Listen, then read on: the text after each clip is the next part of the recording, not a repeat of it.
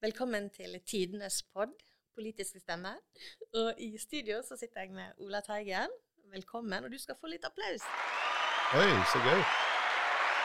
Veldig gøy. Du, hvordan har de nesten tre åra som ordfører egentlig vært? Ja. Det har vært uh, litt sånn uh, Hva skal jeg si Berg-og-dal-bane. Um, vi gikk jo inn i uh, Kinn full av uh, iver, pågangsmot. Så nå skal vi uh, skape den nye kystkommunen, mm, som skal være en motor både som kommune, men òg i en region. Og um, så kom jo pandemien to og en halv måned ut i den nye kommunen. 12.3.2020 så var Norge stengt ned. Vi måtte jobbe helt uh, annerledes. Uh, og helt annet fokus egentlig på det enn, på det vi skulle ha. Nå handler det om å stoppe smitte og ja, egentlig rigge oss for en helt ny hverdag. Så, så det var en sånn der, brå start på, på den den planen som vi hadde. Men, men, det gikk nå egentlig eh, ganske raskt seg til. Administrasjonen gjorde en kjempejobb. Eh, legene, kommuneoverlegen og teamet hans eh, hadde veldig god kontroll, egentlig, så vi kunne raskt begynne igjen med, med det som vi ønsket å jobbe med. Men um, etter hvert også viste jo seg det at den her motstanden mot kommunen òg lå jo der litt sånn fortsatt. Og den uh, var kanskje litt sånn der uh, spredt i begynnelsen. Det var ikke så mange. Så ble det litt flere, og enda litt flere. Og til slutt så gikk jo flertallet i kommunestyret fra å ikke ønsker ny folkeavstemning til å ønske det. Og det snudde jo egentlig alt uh, på hodet. Så siste året så har det jo egentlig handla om skal, skal ikke. Så det har vært travelt. Uh, lærerikt, uh, nødvendig, vil mange si. men nå har vi avklart det, da, så nå får vi håpe at det siste året blir mer eh, handler om det som vi skal gjøre, det å utvikle kommunen til innbyggerne sitt beste og ta den posisjonen som vi ønsker i Vestland. Som ordfører så blir du jo veldig synlig. Du får en veldig viktig rolle. Dersom du kunne gått tilbake i tid, er det noe du ville gjort annerledes disse åra? Eh, ja, det er det helt sikkert. Eh, det er ikke så ofte en får tid til å sette seg ned og reflektere alltid. Men uh, Um, det er nok uh, kanskje én ting som er mest nærliggende å tenke på. Det er uh, Bruddet med Senterpartiet var jo helt nødvendig. Altså det, det, gikk ikke lenger. Vi prøvde å få det til å virke mange ganger. Det funka ikke. Uh, men uh, Sissel Kongsvik er ei flott dame og, og, hadde fortjent en bedre behandling enn det hun fikk. Så det er noe som jeg angrer på, og jeg vil gjerne at det er ugjort. Men, eh, men, men det ble som det ble, og så eh, får man lære av det, tenker jeg. Mm. Du har på en måte sagt at det siste året har vært krevende. Eh, sånn som jeg har forstått, så er du lysten på å fortsette i politikken, og òg bli ordfører hvis den muligheten åpner seg. hvorfor det? Hvorfor ja. vil du fortsette? Ja, vi er jo eh, flinke til uh, sjøl å pine oss sjøl i, i, politikken.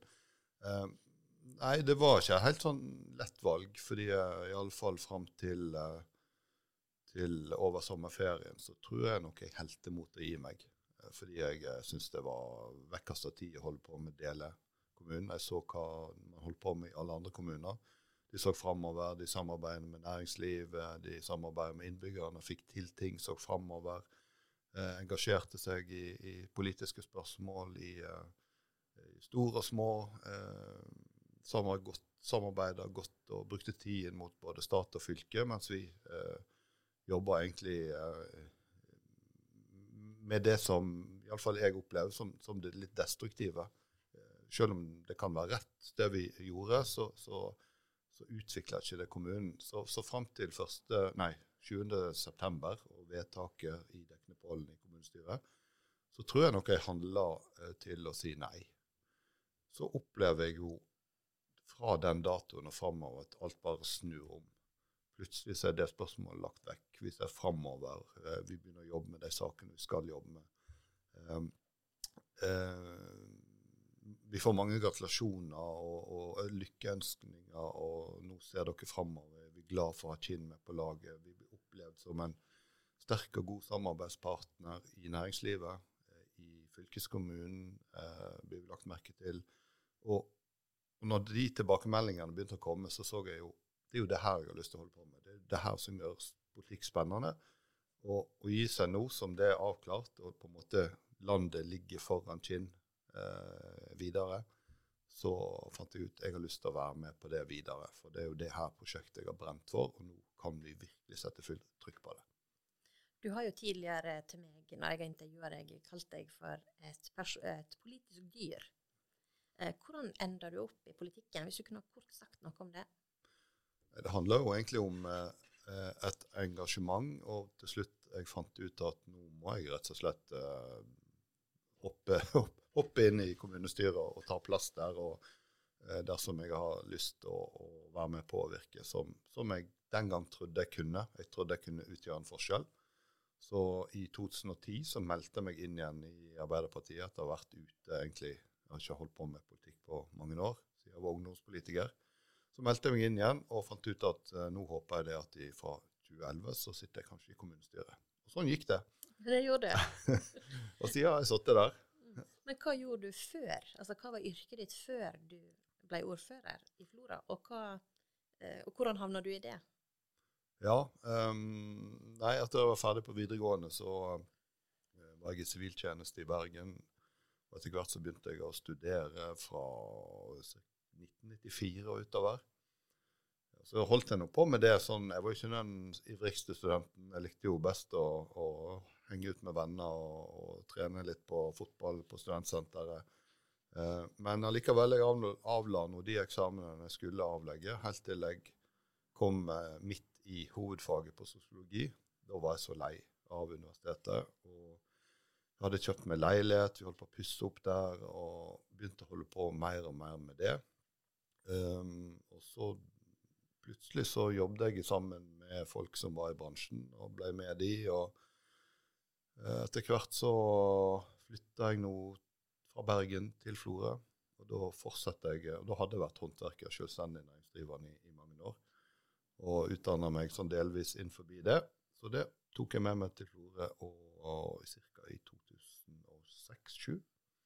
Så holdt jeg nå på fram til 2015, men da var jeg så lei av det at jeg hadde lyst til å prøve noe annet.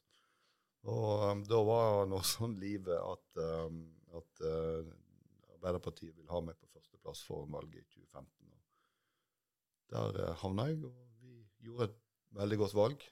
Så jeg seilte jo inn som, uh, som ordfører da i 2015. Og siden har jeg vært der, og det har jeg ennå ikke blitt lei av. Nei, Men savner du av og til uh, å være håndverker? Uh, Pussig nok ikke. Um, jeg har lagt ni fliser siden jeg uh, eh, slutta i 2015, og det er hjemme i inngangspartiet. Uh, og det er det egentlig Jeg har nesten ikke tatt i en skrujern, nesten ikke tatt i en hammerside. Så jeg var veldig lei da, og har egentlig ikke tenkt at jeg skal tilbake til det noensinne. Så, så det går helt greit. Så kommer det nok ei tid hvor jeg ikke skal være ordfører lenger, og må finne på noe nytt igjen. Så livet har nå vært litt sånn tilfeldig så langt, så kanskje dukker opp noe spennende en gang i framtida. Nå nærmer vi oss jul, og så håper jeg at du som eh, ordfører får hvile litt. Eh, og så er jeg litt nysgjerrig på hvordan er den høytida for deg? Um, ja, si det. Eh, sånn her høytidsstund, det er litt sånn jeg, sånn jeg, er ikke så veldig opptatt av det, fordi jeg er mest hverdagsmenneske. Jeg liker best det. Jeg liker best å være på jobb og samfunnet går eh, sånn som vanlig. Så lange ferier, sånn, spesielt jul og påske kanskje, det blir litt for lenge for meg. Jeg er ikke så veldig opptatt av julefeiring og, og sånne ting. Men uh, i år så håper jeg iallfall jeg får tid til å ta litt ferie og slappe av litt. For um, det siste året så Jeg har hatt ei og halv uke ferie hittil i år, og da hadde jeg covid. da kom jeg til Berlin, jeg og sønnen min, og vi skulle kose oss. og, og første dag så ble vi bare liggende strakk ut i hotellsenga med, med, feber. Um, så jeg håper at vi får, uh, får uh, gjort uh, litt andre ting i, i, jula. Kanskje lest litt og sett litt serier på TV, kanskje. Jeg er veldig utdatert på det. Men det hadde vært litt OK, da. Men vi får se. Kanskje finne på noe annet. på selve julaften, hva har du på deg? Er du casual kledd, eller er du stivpynta? Nei, da går jeg i dress. Det må jeg nesten eh, Kanskje slips òg, iallfall eh, tidlig på kvelden. Eh, da må vi pynte oss litt, og da er det litt uh, høytidelig. Fint, fint eh, pynta på bordet, god mat. og Så da skal det være litt style over det. Så, så da blir det nok dress, ja. Men nå sa du jo på en måte at du snakker litt om høytid, men er det likevel en juletradisjon du på en måte ikke kunne vært uten? Uh, nei, kanskje ikke. Jeg kunne, jeg kunne faktisk reist til Tenerife. Jeg har vært der hele jula. Bare vært vanlig sydenturist. Men hvis jeg skal nå peke på én ting som er viktig, så er det noe eh, eh, pinnekjøtt på julaften. Jeg er veldig glad i det og har alltid, alltid likt det. Nå er det jo litt sånn etter hvert at du spiser det kanskje to og tre og fire ganger før julaften, så det er ikke så eksklusivt. Men jeg syns det hører hjemme på julaften, så, så det må være en, en ting som helst bør være der, ja. Har du fått tid å begynne med å kjøpe julegave? Nei, det, har jeg ikke. Det er en av de tingene jeg syns er litt styrete med jula. Kanskje derfor jeg er ikke sånn superjulete. fordi For noen år siden da, um, da var jeg så lei av alt det her julegavestyret at jeg sa til familien at i år får dere ingenting av meg. Jeg slutter å kjøpe julepresanger til dere. Jeg skal ikke ha noen sjøl. Og så gir jeg heller bidrag til Flyktninghjelpa. Um, nå må jeg kjøpe litt til disse ungene, da. Men uh, bortsett fra de, så um, har ikke jeg tenkt å kjøpe så masse julepresanger i år heller, får jeg håpe. Du har ikke vurdert å lage noe sjøl, da? Nei. Nei, det tror ikke jeg eh, jeg skal gi meg ut på. Kanskje jeg kunne gi, flas gi vekk en flaske vin, eller noe sånt. Det, så kan eh, en dele den med familien. Det kan jo være hyggelig. Vi får se.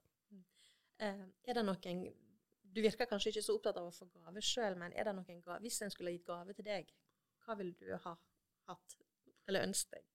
Nei, det måtte nå være kanskje en flaske vin. Som eh, eh, en god flaske vin, eller et måltid på en eller annen restaurant, eller et eller annet sånt. Sånne opplevelser er jo litt kjekke å få, men ting det tenker jeg, ting har jeg nok av. Ting har jeg egentlig altfor masse av. Så nå handler egentlig eh, litt av mi, livet mitt å få ting ut av huset. Og, og, og, og få ned mengden, mengden av det. altså Da trenger ikke jeg noe nytt til eh, verken jul eller bursdager. Men hvis du da ender opp med å få mange gaver, hva er de gavene du smiler og takker for, men som du egentlig ikke syns er bra i det hele tatt? Ja, det må være sånn pyntegjenstander eller sånne eh, kjøkkenting som jeg kanskje har allerede, som jeg kanskje fikk eh, forrige jul og jula før der igjen. Og, um, det, det trenger jeg ikke. Men jeg skal ta imot høflig og smile, sånn som du sier. Være takknemlig, selvsagt. Men eh, jeg tenker at det er litt av utfordringene kanskje med velferdssamfunnet i Norge, det at vi har det godt, og vi får masse som vi ikke har bruk for. Tusen takk, Ola. Da ønsker jeg deg ei veldig fin tid framover mot jul, og takk for at du kom i studio til Fjordheistiden. Veldig hyggelig å være her.